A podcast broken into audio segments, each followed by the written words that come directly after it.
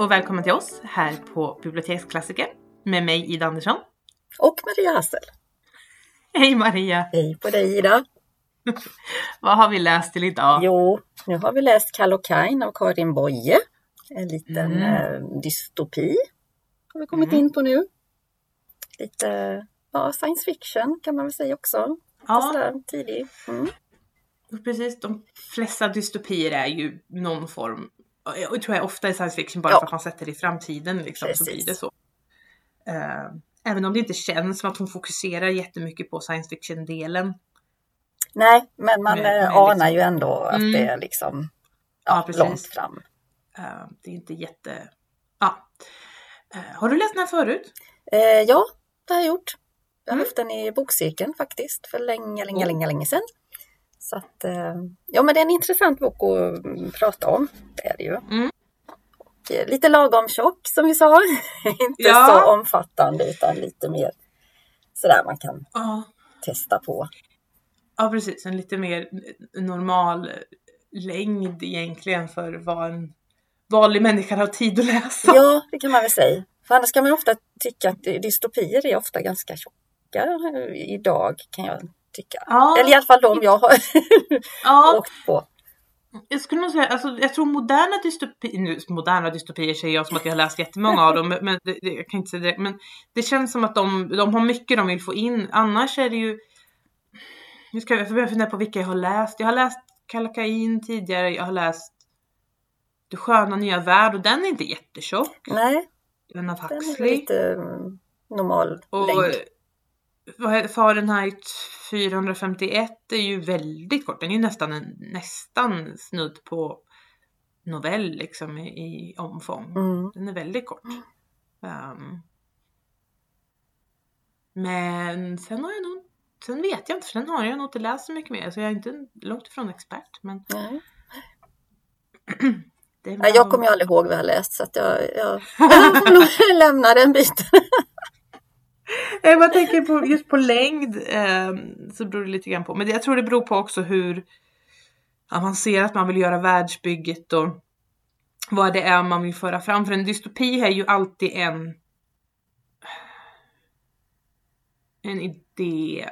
Ja, det är liksom en form av idéroman är ju nästan Ja, alltid en dystopi. man Man har liksom en, man vill visa på att se så här skulle det bli om vi genomförde det här fullt ut. Mm, det precis. vore väl inte särskilt trevligt, eller hur? så är det ofta ja. Mm. Ja. ehm.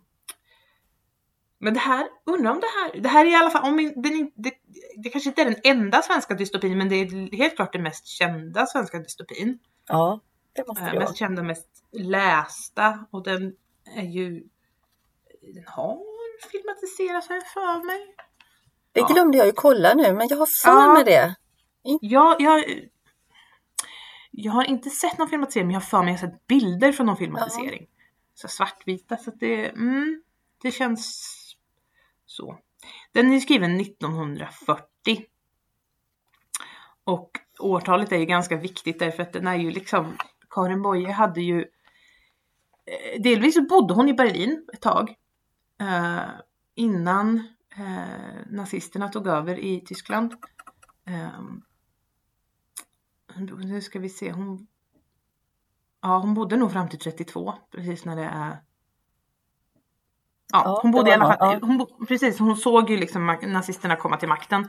Och sen hade hon dessutom varit på eh, resa i Sovjetunionen, så hon hade sett det också. Så att hon har ju liksom gjort någon form av kombination av de här två totalitära regimerna och ideologierna. Mm. Eh, egentligen så det är svårt att säga vill, alltså det är ju bägge två, det är ju inte en hon liksom, "Ja, så här skulle livet bli under total kommunism eller så här skulle livet bli under total nazism utan det är liksom så här ser livet ut i en totalitär stat där ja, där liksom medborgarna är till för staten, inte tvärtom. Mm. Och där alla kriget är liksom bra också för att när det bara är statsstat som betyder någonting så ja. Så att det, det är ju, ja. Så det, det kommer det ifrån. Mm. Eh, Den är ju lite annorlunda om man ser det också. Den är, den är en dagboksroman. Mm. Det är inte jätteofta man ser det idag va? Det känns liksom inte som det. Jag tror inte det va? Och jag funderar på hur många vi har på klassikerlistan som är just, vi har väl någon mer. Men... I och för sig den vi läste förra gången, Jane Eyre ju... Ja, jag tänkte ändå det liksom att också. Eh, när man läste ja. det att, att det var precis samma upplägg att uh, ja. Jane Eyre också liksom sitter och skriver ner sin historia ja. liksom och det är ju samma här. Huvudpersonen sitter och mm. liksom skriver ner sin berättelse, inte för att han har liksom någon tanke på att någon kommer läsa det kanske, men han känner att han, han måste få ner det helt enkelt. Precis. Precis. Så det, det, var lite kul ändå att det blev den kopplingen. Ha. Det var ju, hade vi ju inte någon tanke på. Nej, det, det hade vi inte planerat alls. Um, vi tycker vi, vi försöker planera lite, lite i förväg så här, vad vi ska läsa och sådär, men, men det är inte alltid vi upptäcker hur väl vi planerar först. det blir liksom Efteråt. kopplingar. Så. Mm. Och det är väl det som är lite spännande med klassiker, att oftast det finns saker i, även om mm. det är mm. olika genrer, liksom, så, så finns det ändå likheter i dem och man kan plocka upp. Så det är, det är väldigt intressant faktiskt. Precis. Um, ska vi, vad handlar den om? Maria? Ja, vad handlar den om? Det är ju den här eh, Leo Kall är ju huvudpersonen och det är han som skriver ner sin berättelse. Och eh, han eh, Eh, man får ju veta, han är ju fånge. Eh, han har suttit många år fängslad eh, någonstans som man inte får veta exakt för det är ju en framtidsversion sådär. Ehm, och han berättar ju om sin han bodde i kemistaden nummer fyra var det va? i sitt gamla liv och han, han gör ju jämförelsen att det egentligen inte är så stor skillnad på att sitta fånge nu som hans tidigare liv på något vis. Och eh, det enda, han, han nämner ju det att eh, klart han saknar ju sin fru, han saknar sina tre barn och han undrar vad som har hänt med dem, för det vet han ju inte. Han vet ju inte ens om eh, staten finns kvar, om kemistaden finns liksom, eller han vet egentligen ingenting. Men samtidigt så är det mycket lugnare nu när han sitter fängslad här och liksom att han vet sin vardag liksom och det lunkar på. Han, behöver, han oroar sig inte så mycket, ängslas inte så mycket. Och, eh, för det var ju väldigt, eh, den här staten som han bodde i, det var ju liksom väldigt övervakat allting. Och eh, människorna kallades ju medsoldater. Och eh, alla bodde ju i princip likadant, bodde under jorden väl kan man säga. Eller, ja, man får inte veta så mycket men eh, det är väldigt uppstyrt och det är liksom mycket det här med angiveri. Att liksom, mm. Ja, det är en osäkerhet, en rädsla finns hos folket hela tiden kan man säga. Eh, och sen var det väl också så att man eh, i staten, alltså det var ju olika områden, olika städer, men man hade ju liksom inte kontakt med varann eh, direkt. Nej. Alltså man kunde inte resa hur som helst utan eh, allting är väldigt frånskilt så här och så skulle det ju samtidigt vara ett jämnt antal med kvinnor och män. Eh, så att det blev det liksom överskott i ett område så under vissa jag vet inte hur ofta det hände, men liksom, då skulle man liksom jämna upp det här antalet så att då fick eh, ett antal pojkar eller flickor flytta till ett annat område så att det skulle liksom vara jämnt antal. Så att, eh, det fick man liksom inte bestämma själv utan allting är ju mm. väldigt styrt kan man säga. Och, eh, och barnen skickades iväg på barnläger. Fick väl komma hem, var det två kvällar i veckan eller något sånt. Jag kommer inte ihåg, det var väl typ vid åtta års ålder eller något sånt. Mm. Ja, någonstans dit, där. Någonstans. Innan dess så bor man liksom med sina föräldrar då. Och eh, ja, vad ska vi nämna mer där? Man hade ju mycket, man har liksom soldattjänstgöring också. Eh, så det är mycket det här liksom både polisen och militären, alltså det är väldigt så övervakat kan man säga. Mm. Och även i hemmen hade man ju då liksom vad de kallade polisöga och ett mm. polisöra. Så man, ja. även där är man övervakad. Så egentligen man är ju övervakad hela tiden så det enda de Ja. inte kan liksom övervaka det är ju ens tankar och känslor. Ja, de har ju dessutom, de har ju polisöra och polisöga plus att den hembiträdet de har, tanken är, alltså det är fullt, de är fullt medvetna om att hon ska rapportera till sina överordnade Precis. precis, vad de säger i Hemnet. Ja, så det liksom finns överallt.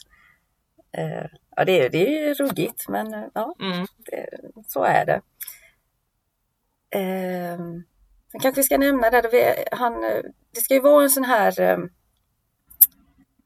eh, vad ska man säga, en typ av eh, avskedsfest för eh, ett gäng flickor är det väl. För det är lite Mm. överskott på flickor just i den här eh, kemistaden. Så att, eh, och då ska eh, Leo, han ska ju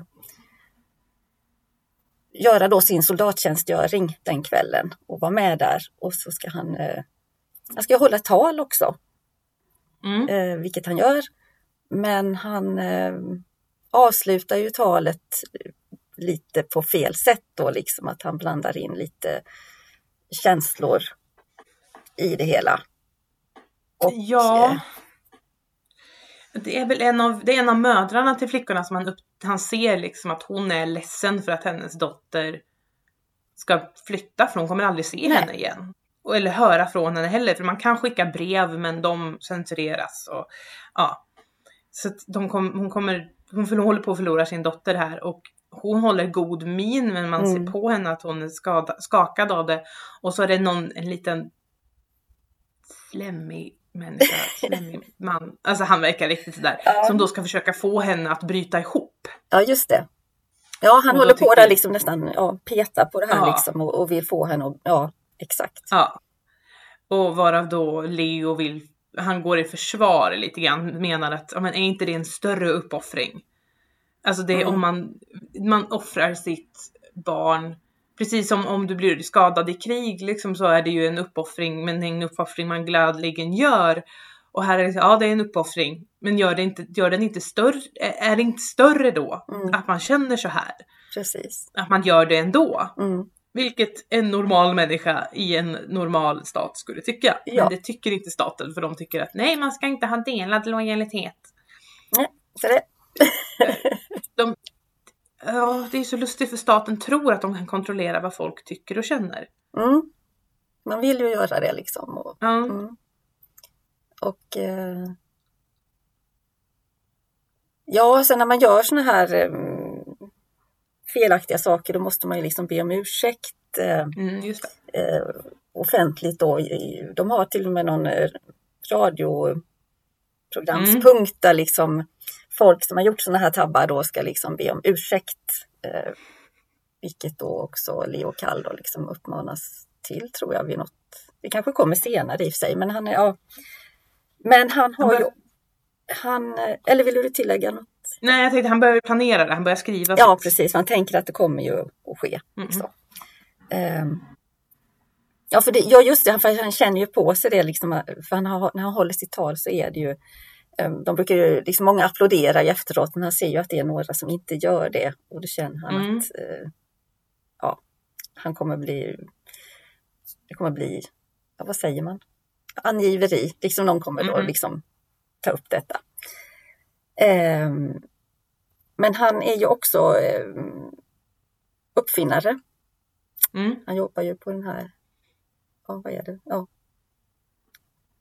Han och eh, hans chef Rissen, kontrollchef Rissen. Och Kall har då, liksom, Leo Kall har då kommit på något eh, sanningsserum kan man väl säga.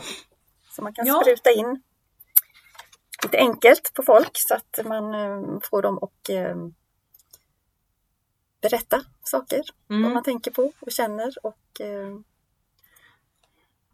eh, det kan ju vara väldigt effektivt då. Så Mm. eh, det ska de ju liksom eh, testa då på folk. Och de har ju till och med en sån, vad, vad kallar de frivilliga offertjänsten. Det Mm. finns en sån eh, yrkesgrupp kan man säga då, där, ja, som levande försökspersoner då, som man kan testa olika saker på. Så de här kan ju vara mer eller mindre skadade på olika sätt Mm. eh, då. Och eh, vad är det typ fem personer de får först jag kommer inte ihåg, ja, ett visst antal i alla fall som de ska börja testa det här serumet på. Och eh, de får in den första där då. Och eh, Kall sprutar in det här lilla serumet och så går det en liten stund och sen frågar de ju naturligtvis hur han mår då.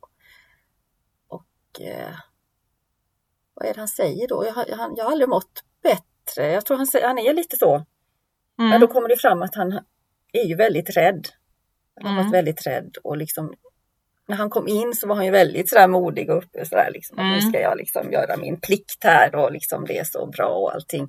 Men egentligen är han ju väldigt, väldigt, väldigt rädd hela tiden.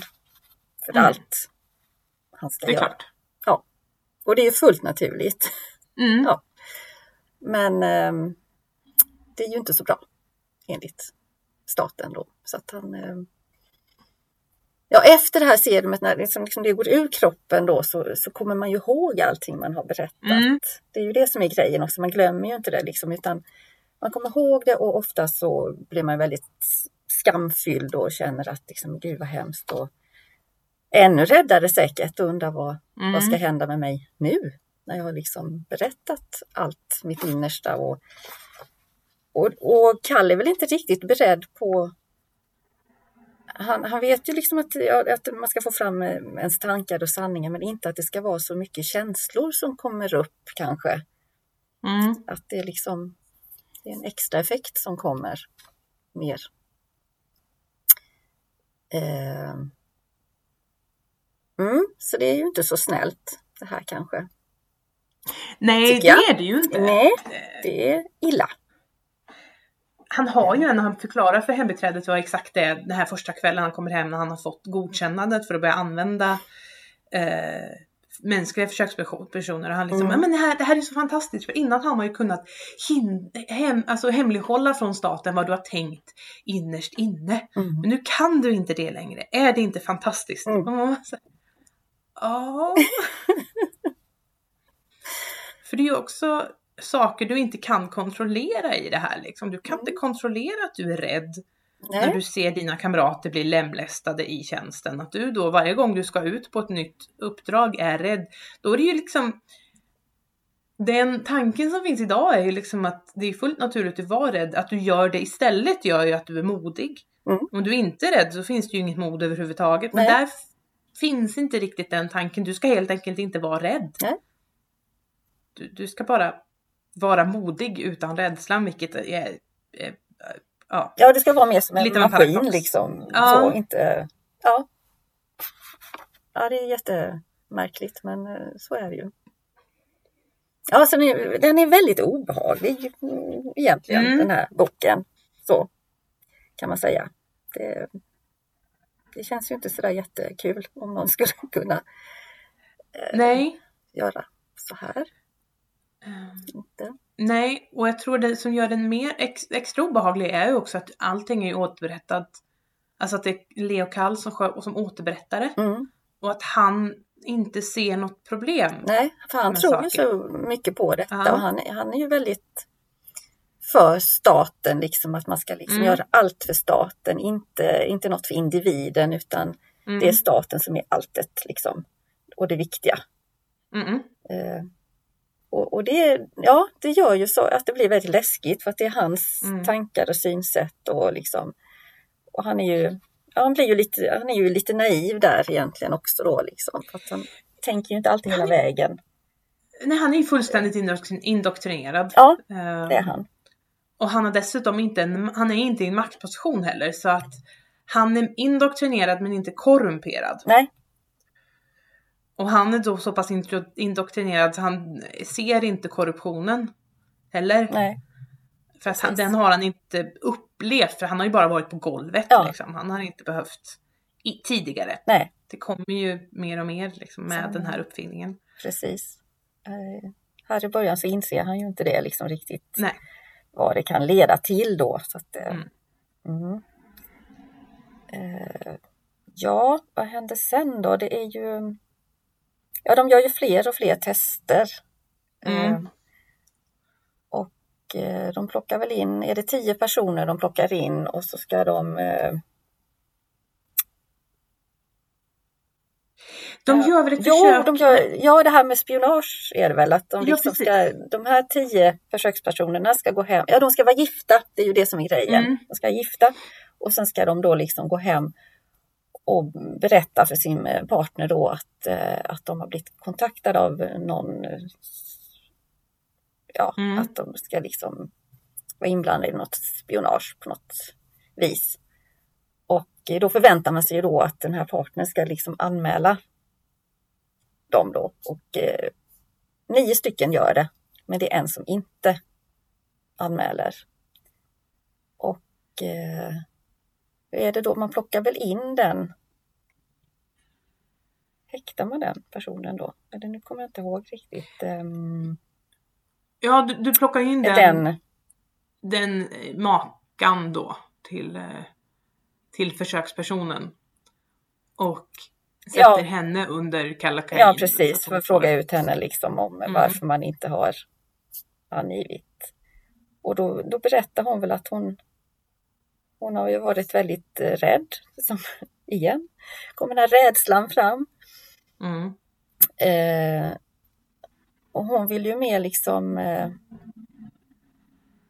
förstå honom och liksom att, att de är liksom de två är liksom lite, vad ska man säga?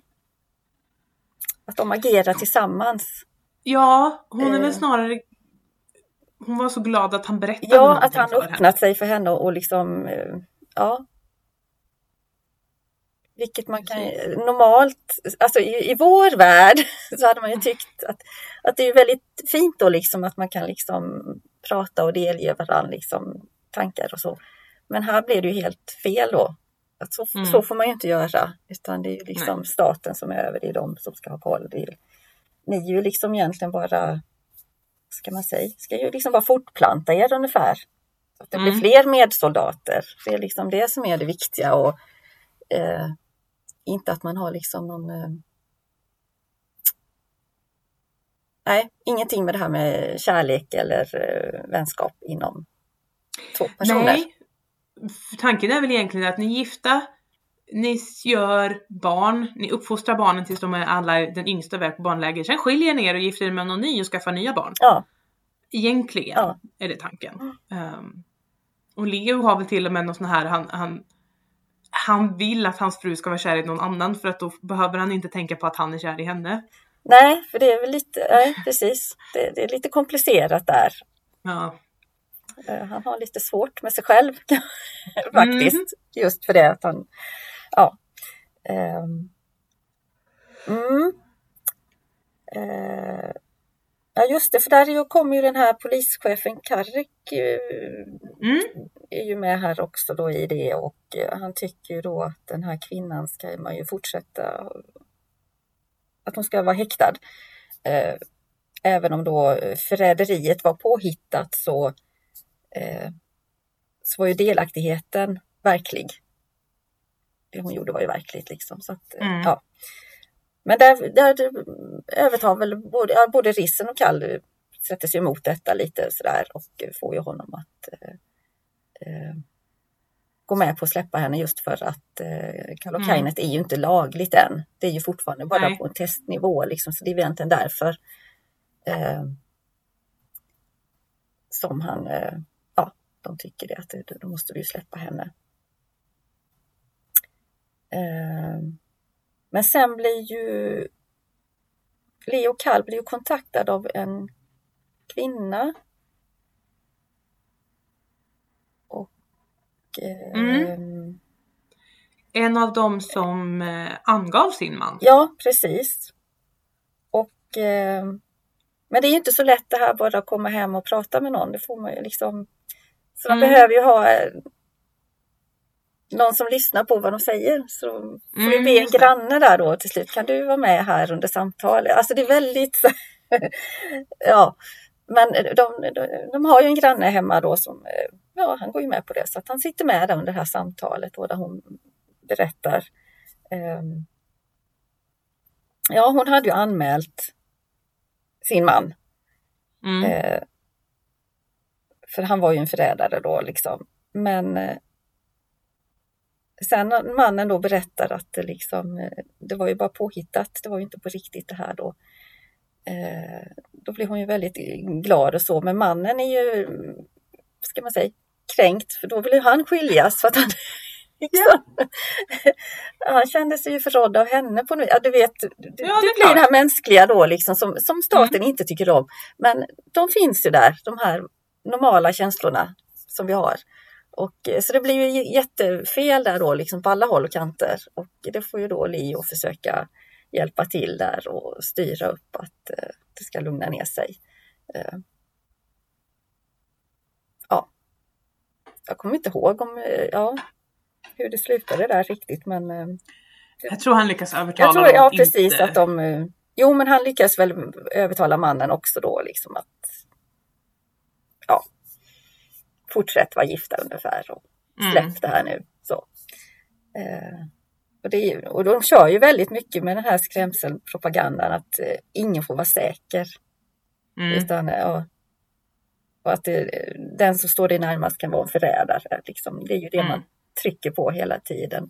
Så det är klart att folk går och är rädda ständigt ja. för att bli angiven eller ja. Det, det måste vara fruktansvärt. Eh, och ha det så. Mm. Eh, och de gör ju fler och fler tester naturligtvis. Och eh, det är ju vid något tillfälle som, som någon eh, när de har sprutat in det här kalokainet att han pratar om vår sak. Och det mm. blev de också väldigt, eller då sitter ju den här polischefen, Karrik, han sitter väl med vid det tillfället så han, han blir väldigt intresserad. Vad är det här vår, vår sak? Vad kan det vara för någonting? Eh, och vilka är det? Vilka ingår i det här? Och, men eh, den här personen vet ju egentligen inte så himla mycket. Han, han, eh, han känner väl egentligen bara, är det fem personer av alla de här som har träffats. Mm. Eh, och, eh, men han an, anger ju dem. De får ju de namnen liksom. Eh, och då ska man ju liksom försöka leta upp de personerna och försöka fråga ut dem om vad det här vår sak är för någonting. Och jag tror det är vid det här tillfället också som eh, polischef Karek, eh, han ska åka iväg och, men säger också till både Leo Kall och Rissen, då, chefen, att, att de ska vara beredda på att kanske få åka iväg lite snabbt så att de ska ha en, en väska packad sådär med mm. sig alltid för att de kan få ett samtal att nu ska ni åka iväg. De vet ju inte vart eller någonting egentligen men eh, eh men samtidigt vill han ju då att de ska fortsätta rodda i det här, leta upp de här namnen och liksom fråga ut dem om detta. Um. Det är de här som går och lägger sig med, de lägger sig och sover och så är det någon annan som har kniv. Ja, just det. Ja, ja precis. Ja. Tillitsövning. Precis, liksom. det är liksom. mycket här konstigt. Eh. Och sen är det ju någon som frågar liksom det kommer fram att de hälsade, tog i hand. Det var mm. jätteohygieniskt, usch. Men det hade de ju hört att men det gjorde man förr i tiden. Mm. Hade man den konstiga hälsningen och så här. Så att det, ja, det är mycket sånt där som kommer fram. Och jag vet inte, det här med ökenstaden, kommer det fram här? Jag har helt tappat bort det för det, det liksom Nej, bara finns med men jag vet inte riktigt när det dyker upp. Eller kommer det senare? Nej. Jag tror inte det är den första som nämner det utan det är någon av de här andra i, på listan som han har ja. angivit som, där det dyker Precis. upp tror jag. Ja. Ja, så de får egentligen inte veta så himla mycket. Mm. Alltså de har inget att gå på, det är ju ingenting och det är ingen som är ledare för någonting. Alltså det är ju ingenting sådär utan de bara träffas och jag gör lite sådana här konstiga övningar liksom att eh, att man kan lita på varandra ungefär. Mm. Verkar det som. Lite det stuket. Eh. Men sen blir ju då eh, Rissen och Kall, de blir ju, och, ska ju åka iväg. Någonstans, långt bort. Eller de flyger, Edvard. Mm. Ja. Under många timmar och eh, Leo tycker det är lite spännande så han vill gärna se liksom Mm. lite utanför, kanske lite åkrar, lite så här. Men det får han ju inte för att det är ju liksom försatt, det finns inga fönster, de ser ingenting. Nej. De bara åker liksom. Så det, det var ju jättetråkigt för honom. Och de anar väl kanske att det är till huvudstaden, men de vet inte. Nej. Dit de kommer, vad är det de kallar det? Polispalatset är det ja. Polispalatset. Eh, Men de vet ju inte riktigt vad det är. Och eh, där, eh, Karrek är ju där också, visar det sig. Och eh, ja, då får de träffa den polispresidenten. Är det väl Ja. där? Den? Tu, eh, Tuareg? Just det. Så är det. Tuareg? Mm. Tuareg, ja. Ehm, det är väl, Karek ber väl egentligen Leo att han ska, alltså ber väl Kalle att han ska prata för kalkainet. Ja, så att de ska det göra inte det? ja, det här lagförslaget. Eh, att det liksom, eh, vad var det, lagen mot statsfientligt sinnelag Mm. är väl dit man vill komma. För Karek har ju varit väldigt entusiastisk med den här tanken att vem som helst kan dömas för det. Ja, Det, det tände ju han på Mm, alla cylindrar så fort de sa det. Vilket jag tyckte var väldigt misstänkt. ja, det känns som att ja, han har en plan, tänker man. Mm. han vet att han kommer kunna utnyttja det här på något vis, kanske. Ja, men eh, Leo är ju lite naiv så han, Mm. han inser ju inte det. Så att, eh, han är ju pratar med någon högre upp. Eh, någon Lavris. Men jag vet inte riktigt vad hon hade för koppling egentligen. Men Nej. hon kunde i alla fall genomföra den här lagen. Ja. Just det. Så att hon måste ju så, ja, vara lite högre upp. Ja. Så att, eh, han liksom samtalar med henne och liksom berättar väl ja, hur himla bra Kallocain är på Mm. olika sätt. Och, eh, så det går ju igenom den här lagen i alla fall. Ehm. och ja, mm, De får börja träna upp. Eh, både han och Rissen, ja, de separerar behöver ju dem. För de, fler som ska Ja, kunna precis. använda det här. Just det, det är därför de har små eh, ja, utbildningsgrupper, mm. eller vad man ska säga. Massa folk behöver de ju. Det är väl nu de är iväg för, för någonting som eh, Kall har varit intresserad av ända sedan de började med försöken var är just den här frivilliga offer, eh, offerkåren. Att de är så få. Att de Mm. behöver fler av dem. Mm. För att, ja just för alla forskare. Så han har ju fått sånt, han har gjort någon sån här petition bland andra forskare att de har skrivit under på att vi behöver fler, ni måste göra en drive där det liksom, för det är ju så, det är det han får höra den här första försökspersonen då att hur han, varför gick han med i kåren? Jo men det var för att de hade, alltså det var någon som kom och pratade om kåren Ja, precis. i, på hans ungdomsläger. Och, och, så då blev han och ett helt annat gäng blev liksom helt uppeldade och ja det här ska vi göra så de sprang och anmälde sig. Vi ska vara hjältar på det här sättet och, och han är, är väl lite grann för att de ska göra en sån, att de ska göra det igen. Precis, och få massa. Ehm, och när han då gör det, han ska lämna in den när han är i huvudstaden, om det nu är där de är. Mm. Så det är då han ska lämna in den och så får de höra att ja men, nej, men det var ju onödigt för det är ju redan, in, det är redan i Alltså det är ju redan i pipeline, vi håller redan på med det här. Mm. Så. Eh, men du kan gå till, till det här, alltså han kommer in precis vid stängning, den, an- den byråkraten vill bara gå hem. Och det är såhär, ja nej okej, ja men det ska vara något möte i den här stadshus, alltså något sånt här typ Folkets hus eller någonting. Det ska vara något möte där, du, egentligen, ja men du borde kunna gå på det. Bara gå dit och sen så säger jag att jag har skickat dig. Eh, jag vet inte om det här är rätt eller inte, men jag hoppas jag inte gjort något fel. Ah, ja, gå iväg. Och när han kommer dit så är det ju ett möte för någon form av, ja, inte, alltså propagandister, alltså folk som gör propaganda. Mm. Där de går igenom hur ska vi göra det här, hur uppmun- uppmuntrar man folk lättast att göra det, hur ska vi? Och han blir ju helt förskräckt. Ja, där, där blir ju väldigt konstiga känslor får han ju liksom Mm. i, i detta. När han, ja, han fattar ingenting. Liksom. Nej. Han har aldrig, han har ju bara fått propaganda, han har ju, han har ju aldrig någonsin blivit uppmanad till källkritiskt tänkande. Nej, Utan han har ju bara blivit matad med propaganda Precis. och accepterat den. han har varit just här- på det hållet. Han har ju aldrig varit Ja, på andra sidan liksom och Nej. försöker har övertala. inte- Nej. Han har aldrig sett ingredienserna i korven liksom. Nej. Utan det, det, det, så därför blir han lite såhär, men, men vad är det här för någonting? Det- Ja, så det är väl han får- lite skrämmande mm, Ja, för honom. Kanske lite uppvaknande också, jag vet inte. Men det, det sätter igång massa i huvudet på honom tror jag. lite grann. Sen det som är intressant är att han väljer ju att skylla allting på, på rissen.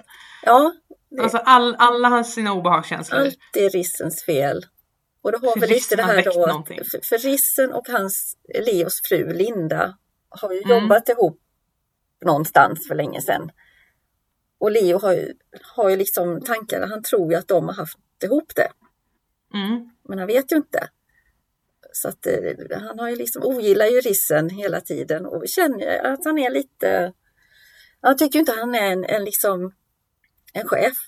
Han är inte en auktoritär chef i, i den bemärkelsen utan eh, han är liksom som vem som helst. Mm. Så det, det är mycket han... ja, han har svårt för rissen. Mm. Och då blir ju rissen också, i och med att han har det här från början så, så då är det så lätt att skylla allting på rissen. Ja. För rissen är ju en lite, en lite funderare, äh, lite så här och han lyfter saker som Kall inte tycker om. Nej, precis. Alltså han, han, han tycker att rissen väcker tankar i honom själv som han inte vill ha. Nej, precis. Det stör honom. Han vill ju inte Ja. detta. Och det är ju även någon av de här försökspersonerna som eh, under när han har Kallokainet i sig så eh, säger han att, att de har ju inga namn och allt det här när de träffas, de här, det här gänget. Men, men de känner ju igen varann. Om de möts senare så vet de att det är en, det är en sån i mitt Mm. gäng. Liksom. Det, är, det är någonting. Och då säger han ju det under Kallokainis åverkan då, liksom att han känner att när han ser rissen så att du, nej, han- när han ser Kall så är det ju liksom, nej du är inte en av oss. Mm. Men när han ser, tittar på rissen så, nej där är jag inte riktigt säker. Jag vet inte. Mm. Så att det är ju någonting som även de känner att han har eller i sig. Så, så det, det är lite spännande det också Mm. Faktiskt. Alltså jag tycker det blir lite rörigt på slutet. Ja, men det är lite så här, för det är ju då att eh, för nej, men ju- Det är ju i alla fall det här att han, han eh, tänk, kom ju på det liksom att, att han vill ju fråga Linda om hon, Mm. och han gör ju det, han frågar ju henne liksom om hon älskar rissen Mm. och hon säger nej. Det gör hon ju inte. Nej. Eh, men han tror ju inte på henne. Hade hon sagt Nej. ja så hade hon trott på henne. Men nu sa hon nej, då tror han inte på henne. Men då kom han ju på det att nej, jag kan ju, han skulle vilja smuggla undan lite Kallocain och eh, använda det på Mm. Linda då. Så det gör han ju. Så en kväll så eh, hon sover ju.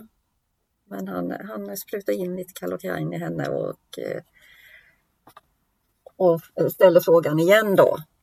Mm. Eh, och då kan hon ju inte, alltså då är det ju sanning det hon säger, att eh, hon, hon älskar ju inte rissen. Men hon säger väl också att hon, ja, är, är det att hon hatar honom eller att hon är, Hon nej, hon skulle döda honom. döda honom, Mm. alltså Leo då, hon skulle döda honom. Men det är väl mer för att han inte kan rädda dem, eller han kan inte, ja det är lite sådär tvetydigt i alla Mm. fall. eh, Det är ju inte för att hon vill döda honom för att hon tycker illa om honom, det är inte så utan ja. Och eh, händer det så mycket mer där men ja. Han har väl, han har ju angett rissen innan dess. Han har skickat Alltså, det är iväg redan sånt här innan han, ja brev. just det. Ja, för det är väl då Mm. han kommer fram till att åh nej, jag måste hindra det här. För att hon var ju inte kär i honom och jag har, det är då han inser att han har skyllt allting Ja. på rissen och Fast rissen har har det egentligen inte gjort var, var det inte så att hon Detta är ju först under Kallocain så berättar hon det och då Då skäms ju Leo för vad han har gjort Mm. egentligen. Så han skäms ju. Och då vill han ange rissen ungefär. Ja, det, ja, är? Men s- sen kommer ju Linda, då vill hon ju berätta av sig Ah, ja. själv. Ja. Hon vill berätta av sig själv, inte under här, liksom, nu vill hon fortsätta. Och eh, då kommer de ju varandra väldigt nära.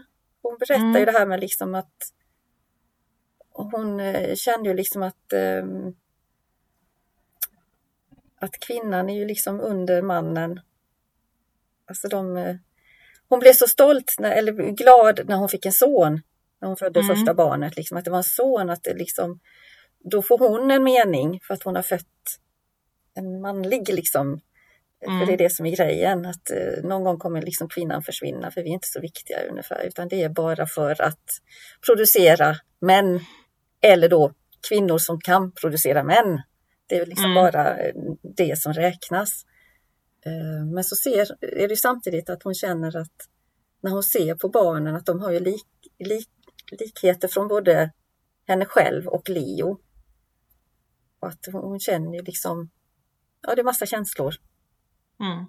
Eh, och hon vill ju liksom, ja, hon berättar ju väldigt mycket öppet Mm. och eh, Leo, ja alltså de får ju, de får ju väldigt kontakt i alla fall. Och förstår varandra på något vis. Eh, och då har han ju angivit rissen, men han kom ju på det liksom att han måste rädda rissen. Mm. Han vill ju inte detta. Men eh, har vi missat en grej också? Mhm. Det där med att Karek eh, Leo pratar ju med honom vid något tillfälle och han eh, Ja. eh, säger det liksom, "Jaha, vem är det du vill? Vill få liksom eh, avrättad. Mm. Jag vet, Leo har pratat en massa så han förstår att det är någon han tycker illa om men Leo känner ju liksom, nej usch nu har jag sagt för mycket, nej det, det är inte någon. Mm. Och så säger ju Karrik det, ja men du- fick ju igenom den här lagen. Eh, det är liksom gentjänster här nu. Mm. Att om, eh, du behöver inte säga något nu, men eh, det här tecknet kan du skri- skriva på din angivelse liksom, så vet jag att den Mm. här personen ja, ska vi avrätta ungefär, eller sätta dit. Ja, för det är inte bara det att då, då ska ju Karek se till att det blir en annan, en, en, en viss domare som vi, gör att de Ja. vet vad det kommer bli för ja, resultat. Precis. Och, eh, och det är ju det tecknet då han sätter på den här angivelsen om, som han skickar in. Och sen, men sen då när han ångrar sig, Leo, då, när han liksom är rädd, då försöker han ju få, få kontakt med Karrik igen. Liksom. Och efter mycket om och men så får han komma dit. Men då låtsas ju Karrik som att han vet ingenting. Vadå? Mm. Tecken? Vadå? Det vet jag ingenting om. Nej. Så att eh, ja, det mm, gick ju inte. Jag vet inte, de, han erkänner ju ingenting men han fick ju titta igenom angivelserna i alla fall så han hittar ju den. Ja. Ja, det är lite väger- rörigt här. Ja, det är väl också det att det är någon annan som har angett rissen förutom honom också. Ja, Så det är inte bara han. Nej. Så därför spelar det ingen roll om han tar tillbaka angivelsen eller inte. nej, precis. Ehm, men det är väl ungefär nu också som Karek, som Karek genomför sin plan. För att få bort polismästaren. Precis. Så att han anger honom då. Ja, För, eh, exakt. Det börjar tisslas och tasslas och det han liksom Ja, avsätts där. Och det, liksom, och det var väl det han hade i åtanke där direkt. Ja. Att yes, nu kan jag få bort den snubben. mm, det, det var min Ja, känsla i alla fall. man fick den känslan. Ja, ja det var läskigt. Mm. Men eh, ja, det var ju också det här med, med som Leo kände att eh, han hade det här med tecknet och det när han kunde ange att, han hade ju makt. Det han Mm. aldrig känt. Han har aldrig liksom känt av det. Nej. Men han blir ju äcklad av det. Jag tycker liksom att nej, det kändes ju inte alls bra. Går det inte ganska snabbt på slutet? Alltså de, jo, men det de, gör nog det. Ja, de anhåller rissen, de, an, de, eh, un, alltså han blir förhörd under kalakain inför en domare tror jag till och med. Liksom, Ja, att det, med det är en ganska Mm. stor procedur. Ehm, där han typ erkänner att han jag vet inte om han är med i sällskapet men han vill vara med i sällskapet i alla fall. Han vill liksom ifrågasätta. Mm. Han är egentligen en riktig vetenskapsman på det sättet att han vill ifrågasätta Precis. saker och ting. Mm. Och den som har angivit honom bryter ihop fullständigt för alla blir så rörda av det han säger så att han liksom nej ni kan inte. Det här är mitt fel. Vad jag som gjorde det. Ja precis så. Och Kalle måste försöka liksom nej nej nej det, det är fler som har gjort det. Skärp dig. Mm. Det finns ingen anledning att du också ska skada dig. Men är det inte nästan direkt efter det? Han ska liksom bara hem. Han ska hem och prata med Linda. För nu vill han liksom bara. Han vill bara vara med Linda. Ja, han vill ju hem till henne liksom. Ja, och han är utomhus för en gångs skull. Är han inte det? Alltså att han är liksom uppe i friska luften. Ja, för Ja. han hade väl någon Ja. eh, sån här tjänstgöringskväll. Han skulle vara på Ja, någonting. det. är. Men så mår Ja. han, han mår ju inte så bra. Så Mm. att han ber att få gå upp. Och efter mycket Mm. om och men stegvis, han skriver på massa papper, så kommer han upp i... Så han är ute. Mm. Och det är så tyst. Han tänker inte på det först, men sen upptäcker han att det är så tyst. För det är inga flygplan i luften. De är alltid... Ja, har man alltid det Flyger ljudet alltid. liksom. Och nu är det Ja. helt tyst. Mm. Jättekonstigt. Och sen upptäcker han att ah, de håller på med någon form av militärövning. Det är det de gör. Och det är därför de tar mig i fången, för att Ja, jag ska vara... Det här är liksom en övning. ja. Nej. det är det inte. Så han blir få- tillfångatagen där. Mm. Är det, han bor i världsstaten, eller hur? Och sen det är han, de som tillfångar, alltså det är, eh, fiendestaten är uni, Universalstaten. universalstaten, Ja. ja. ja. Så är Det Ja, det är fina ord det här. Mm. ja. Och sen är det väl bara att han liksom typ berättar om sin fångenskap ja, lite kort.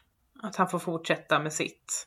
han får Ja, i princip fortsätta på samma sätt. Bara det att Mm. han eh, liksom inte får vara ute lika mycket. Men han fick ju inte vara ute så mycket innan heller egentligen. Nej. Så att det är inte så stor skillnad mer än att han har ett lugn nu.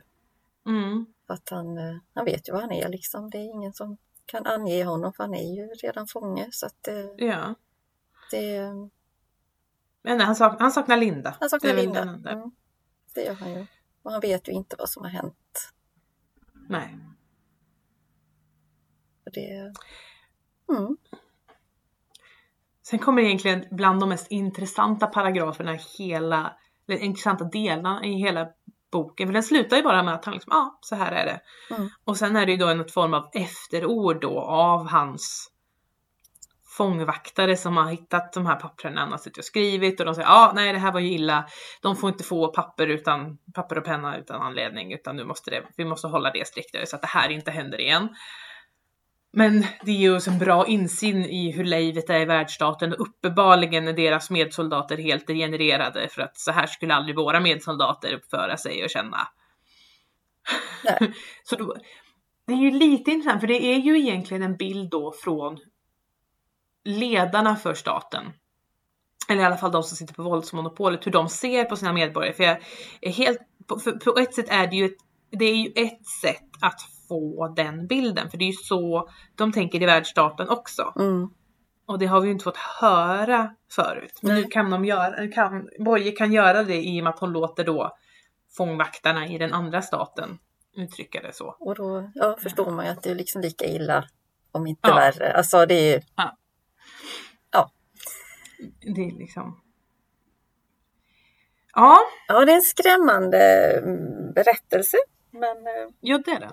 det, mm, Den är eh, obehaglig just därför att han är så fruktansvärt indoktrinerad. ja, Så på så vis är han tror verkligen på det här. Liksom, Ja, han är ju helt eh, inkörd liksom. Och ser ner på alla som visar lite svaghet då liksom. Eller Mm. någonting. Eller säger fel saker. Alltså det, då är man ju inte en god medsoldat utan det är... mm. Men sen, Är, är den... Mm. men sen börjar det ju krackelera som sagt. Under Ja, hela berättelsen då. Mer och mer. det är ju det för han får börja få se folks innersta mer och mer. Han har ju köpt den här indoktrineringen att det är inte det här att folk ska helt enkelt inte känna känslor. Nej. De ska inte finnas. Du ska liksom trycka ner dem. De ska inte existera. Och han tror ju då att alla andra lyckas göra det han gör det ju till viss del men Mm. det, där det poppar upp det är det han blir så obehagligt mods av liksom att hans, Mm. det är därför han nästan vill att Linda och Rissen ska ha ett förhållande för att då kan han skilja sig från henne utan att behöva fundera. Då var det ju det som var problemet liksom. Det, det är inte Det är hans känslor eller hans, eh, Nej. utan det liksom ligger hos någon annan. Och, och, Mm. och det nämner han väl också för att han tycker att Linda är så stark. Mm. Hon är så stark men det visar sig att hon har ju liksom samma tankar och är rädd liksom. Kommer ju fram.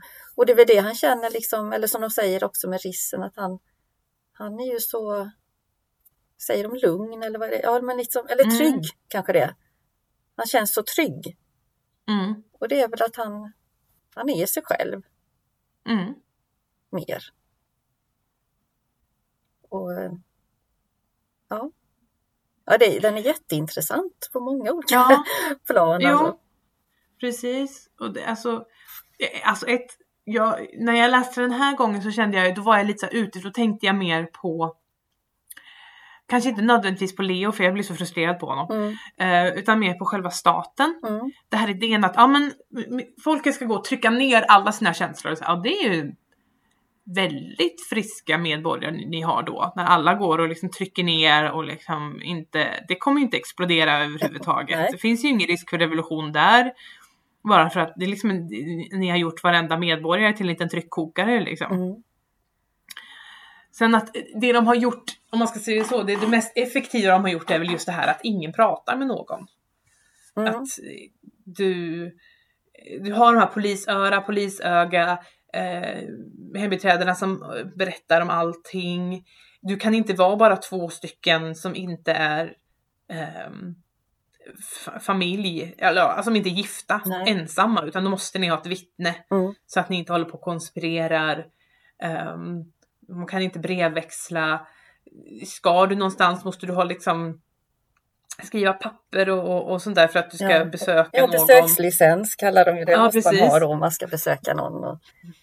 Allt är väldigt uppstyrt. Ja, och för att inte tala om att alla är ju egentligen väldigt, väldigt trötta hela tiden eftersom du har ju ditt jobb du ska göra. Och sen har du ju alltså militärtjänstgöring Mm, du ska göra också. Och den ökar ju. Det finns ju oroligheter liksom. Det är ju någonting som Leo tänker inte på det. Men när man läser den så märker man liksom att okej, någonting är på gång. ja, För att de ökar militärtjänstgöringen. Det är därför de inte får så mycket försökspersoner. Därför att ja, men de, de kallas in. Alltså de kan inte. De behövs till annat. De behövs inom liksom militär istället. mm, Ehm, så att någonting är ju på gång långt innan de blir invaderade. Mm. Ehm, Och det är likadant Vilket väl- familjekvällarna. Brukar, är ju två stycken Mm. egentligen men sen är, helt plötsligt är det bara en kväll man har. För Ja. att det är så mycket man ska göra. Så att, och då plockar man från det liksom. Mm. Så då, där är ju också det här att ja, men när ska du hinna träffa någon och konspirera mot staten liksom? Nej, det finns inte. Du har Nej. inte tid till det. Du har inte ork till det. Ehm, så det är ju väldigt effektivt från statens sida. Ehm, men samtidigt sen när de väl blir invaderade så är det ju för att då har de ju Alltså hela flygvapen har typ bytts ut mot fiendesoldater eller fiendespioner. Mm, Så någonstans har det ju gått fel där. mm, Och då är frågan varför de har, för det är det är ju det också. Det beskrivs ju ingen ideologi förutom att du är till för staten. Du ska, det är det enda. det är det enda är ja. ingenting, Mm, Ja precis, det är inget riktigt du tror på. Det är inte så här varför våran stat är bättre än Det finns liksom inte beskrivet det. Så då är det så här, men varför varför är de så indoktrinerade? Varför, och vad är det som den motsatta stat, alltså fienden, vad tänker de? Vad tror de? Är det bara att de är bara bättre för att de är en annan stat? mm. Liksom, Ja men det, det känns som för det är deras- ingenting man får veta liksom.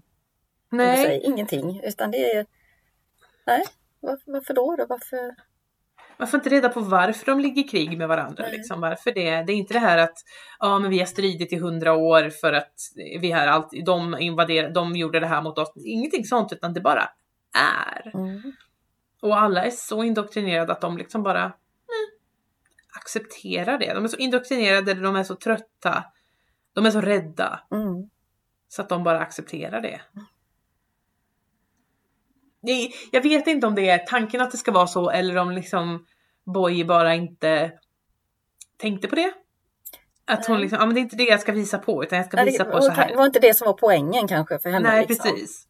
Utan det, Precis. det är det andra obehaget, eh, vad som Mm. händer om man liksom ja, har det här systemet. Liksom, allting är väldigt styrt och angiveri och det här rädslan och, du, och att man inte får tänka, inte får känna. Mm. Och så ska man ändå in och peta även där. Så att Mm. du inte liksom som det här liksom att tankar kan dömas. Helt plötsligt Mm. står det på ja, tidningslöpsedlar sådär. Alltså det är, ju- det är väldigt skrämmande. Ja, för jag har läst, nu- det här har jag läst någonstans liksom att alla, är- hur trevlig man än är så har man ändå så tankar som dyker upp som är otrevliga Mm. mot folk och situationer. Din första tanke det är liksom det är på något vis samhället, vad det har fått i dig. Men sen vad du gör av den, vad du säger, liksom din andra tanke, typ hur du resonerar kring den, det är liksom vem du är. Mm. Alltså det första är fördomar, det andra är liksom vem du är. Mm. Ehm, och det kan vara allt möjligt. Det kan vara liksom så här att man, man blir sur för att någon gör någonting. Någon, någon, någon sträcker sig och tar det sista paketet framför dig i mataffären eller någonting. Din Mm. första reaktion är men, människa. Medan då kanske du sen, din andra tanke är ja fast jag skulle, jag skulle ju precis ta den där och då hade ju den blivit Ja, alltså så här, precis. Man då kan inte vända på tanken. Ja, så, eller? Ja precis. Ehm, och din första tanke är då liksom, ja den har du ingen kontroll över. Nej. Men sen kan du liksom, ja men snälla du, nu är du bara trött och tjurig. Ja. Till sig själv liksom. Men det de då vill kontrollera är den där första tanken. Ja. Och det är den som du blir dömd för. Precis. Det är den de vill ha fram och det är den man inte, som inte ska få existera. Men den har man ju ingen kontroll över. Men staten vill De kontrollera vill någonting kontrollera det, ja. Som, ja precis. Någonting som inte ens individen har kontroll över. Nej. Så det är lite... Det är obehagligt för det är så hjälplöst. Ja. Alltså, För den kan ju du inte göra någonting åt. Alltså, du kan Nej. inte, som du säger, man kan ju inte styra det och då... Nej,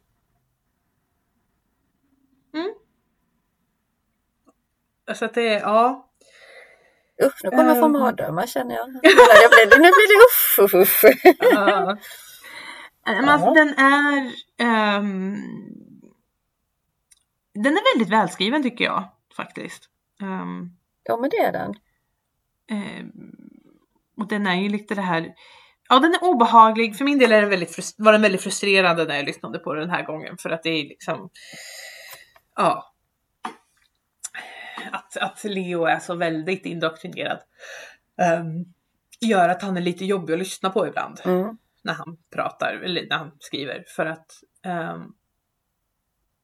för att han, är så, han, han ifrågasätter ingenting och när han börjar ifrågasätta all, alla hans tvivel kommer i Rissens röst Ja, och då skyller han ju allt på Rissen istället för att liksom titta på men varför reagerar jag så här? Vad är det jag inte tycker om? Det kanske är fel. mm.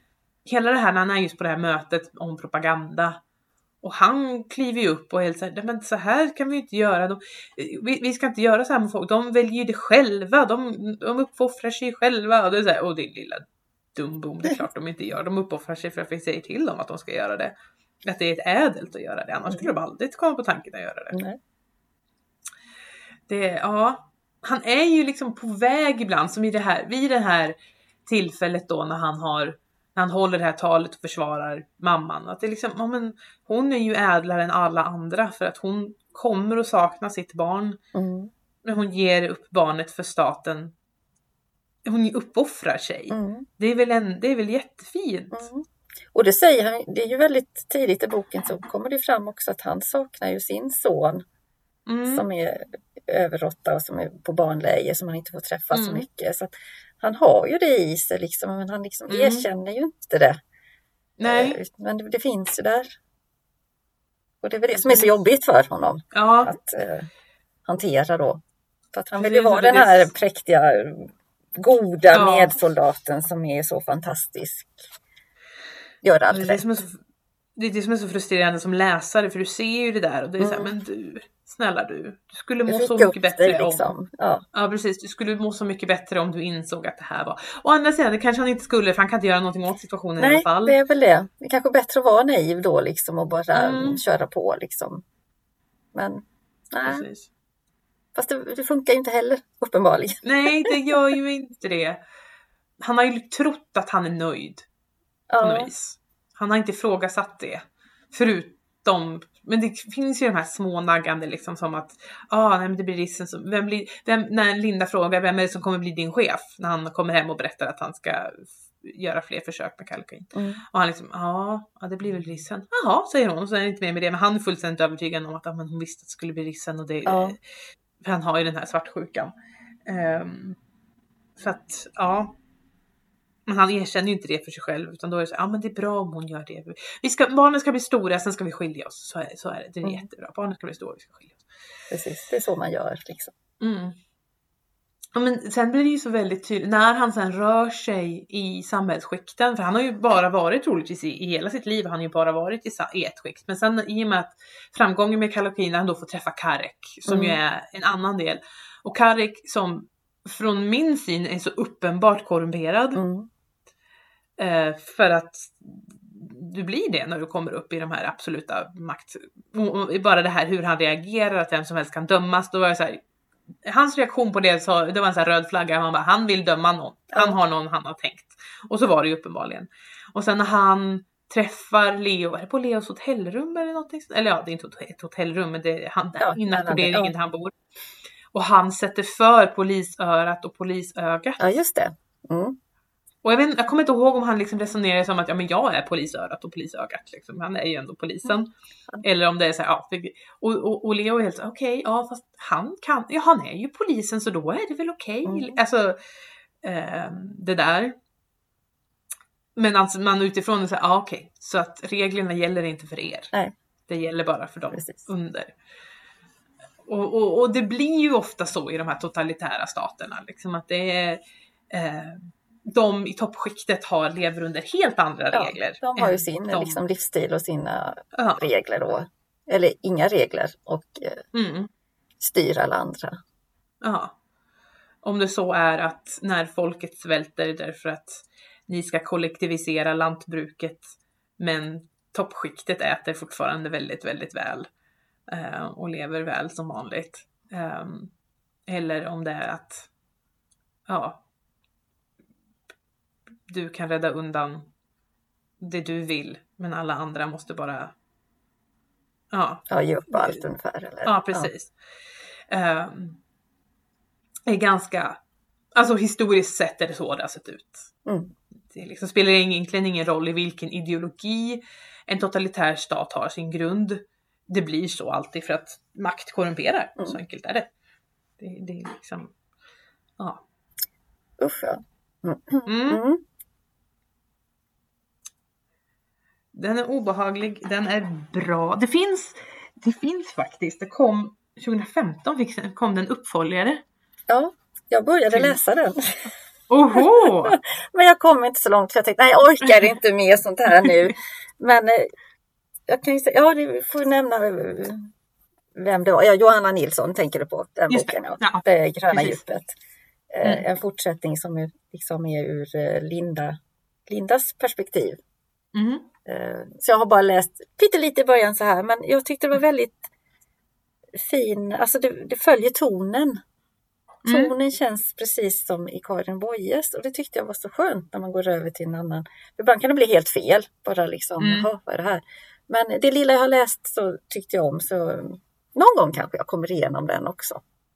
Mm. Har du läst den? Eller du... Nej, Nej. jag har bara läst, jag visste inte att den existerade förrän Nej. för typ någon månad sedan. Mm. När jag tittade om, höll på att läsa om det här. Just det. det efter jag förstår så är det hon, hon följer Linda då efter invasionen att hon har lyckats fly med yngsta dottern. Ja, eller bägge döttrarna. Eller bägge Fast döttrarna? den ena har ju då ballat ur tror jag. Alltså, Så hon är väl typ, ja, går på droger ungefär. ah, Något. aha. Och den andra hon bor hon med. Så tror jag det Ja. Jag tror det är något sånt. Jag kommer inte ihåg, men ja. Ja. Tror hon har, hon har, har hon inte tagit sig till typ Jo, men det ökenstaden? är just därför att jag känner att ökenstaden kanske var viktig, men jag har liksom tappat bort det i Bojes berättelse. Alltså jag har inte riktigt, det har inte fastnat riktigt var det nämns, men men, Ja. men här, de har ju kommit till ökenstaden i alla fall. Mm. Som är en helt liberal stat istället. Att där får du göra precis vad du vill. Ehm. Och det är inte bättre det heller. Nej, jag skulle säga det, det känns, den, den lilla känslan jag fick där, att det, det var inte heller så bra. Nej. Nej, det är ju lite det. Ja. Extremer är aldrig bra. Nej, det är ju ju inte liksom det. Det är ju Det, det är ju lagom är bäst som vi säger på svenska. Det, det kan man alltid få in överallt. Alltså.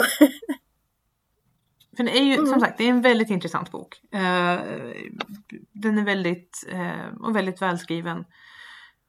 Och ja, man kan nog diskutera, nu är det bara du och jag som sitter där och vi tycker i stort sett samma sak, men jag tror man kan diskutera ännu mer Oh ja. egentligen. Och det finns ju massa, innehåll. ja, mer, vad ska man säga, händelser och så här man kan liksom Mm. eh, in och peta i och så. Det, Precis. så det är en bra bokcirkelbok, Mm. tycker jag. Just för det, att man kan eh, ja, hitta mycket i den. Mm. Och den är ju, alltså den är ändå lättläst om man säger. Alltså, Ja, det. det, det är liksom inte det här tunga språket eller så, utan eh, men eh, ja, väldigt fin.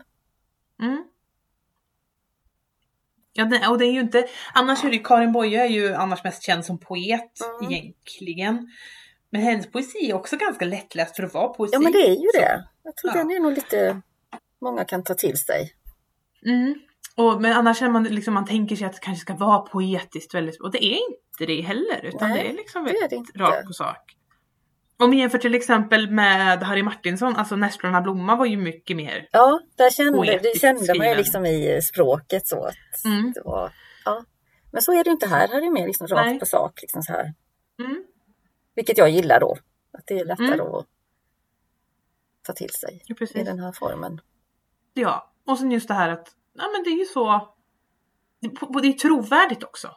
Ja, För att om du lever i den här typen av stat, du förtrycker dina känslor så pass mycket, då, då har du ju inte ett poetiskt språk och målande, utan då är det ju liksom dapp, dapp, dapp, för att det är så du har levt hela ditt liv. mm. Så att, eh, mm, nej, den är eh, väldigt välskriven. Rekommenderas, kan vi verkligen. skulle jag säga. Mm. Vad ska vi läsa till nästa gång? Ja, nästa gång Nej. vi fortsätter i det här träsket, så då blir det 1984 av George Orwell. Mm. Den kom ju lite senare, 1949. Ja, Så att det blir lite spännande att se. Om de, vad har de gemensamt? Har de något gemensamt? Ja, det mm. får vi se. Jag har inte läst den innan så det blir ett öppet kort. Nej. Jag tror jag har tagit mig till livs någon form av förkortad utgåva av 1984 men jag har Mm. inte läst hela. Så det ska bli intressant för det är ju ett sånt här ett väldigt välrefererat verk. Mm, Det är ofta folk refererar till den när de kanske inte, de har sällan har läst det men man, man refererar ändå mm. till Det är den. ändå levande liksom i... Ja. Ja, precis. Ehm, så att det ska bli väldigt intressant att se hur det ser ut. ja. Ja, ehm, så Tills dess får ni ha det så bra! Hejdå! Hejdå!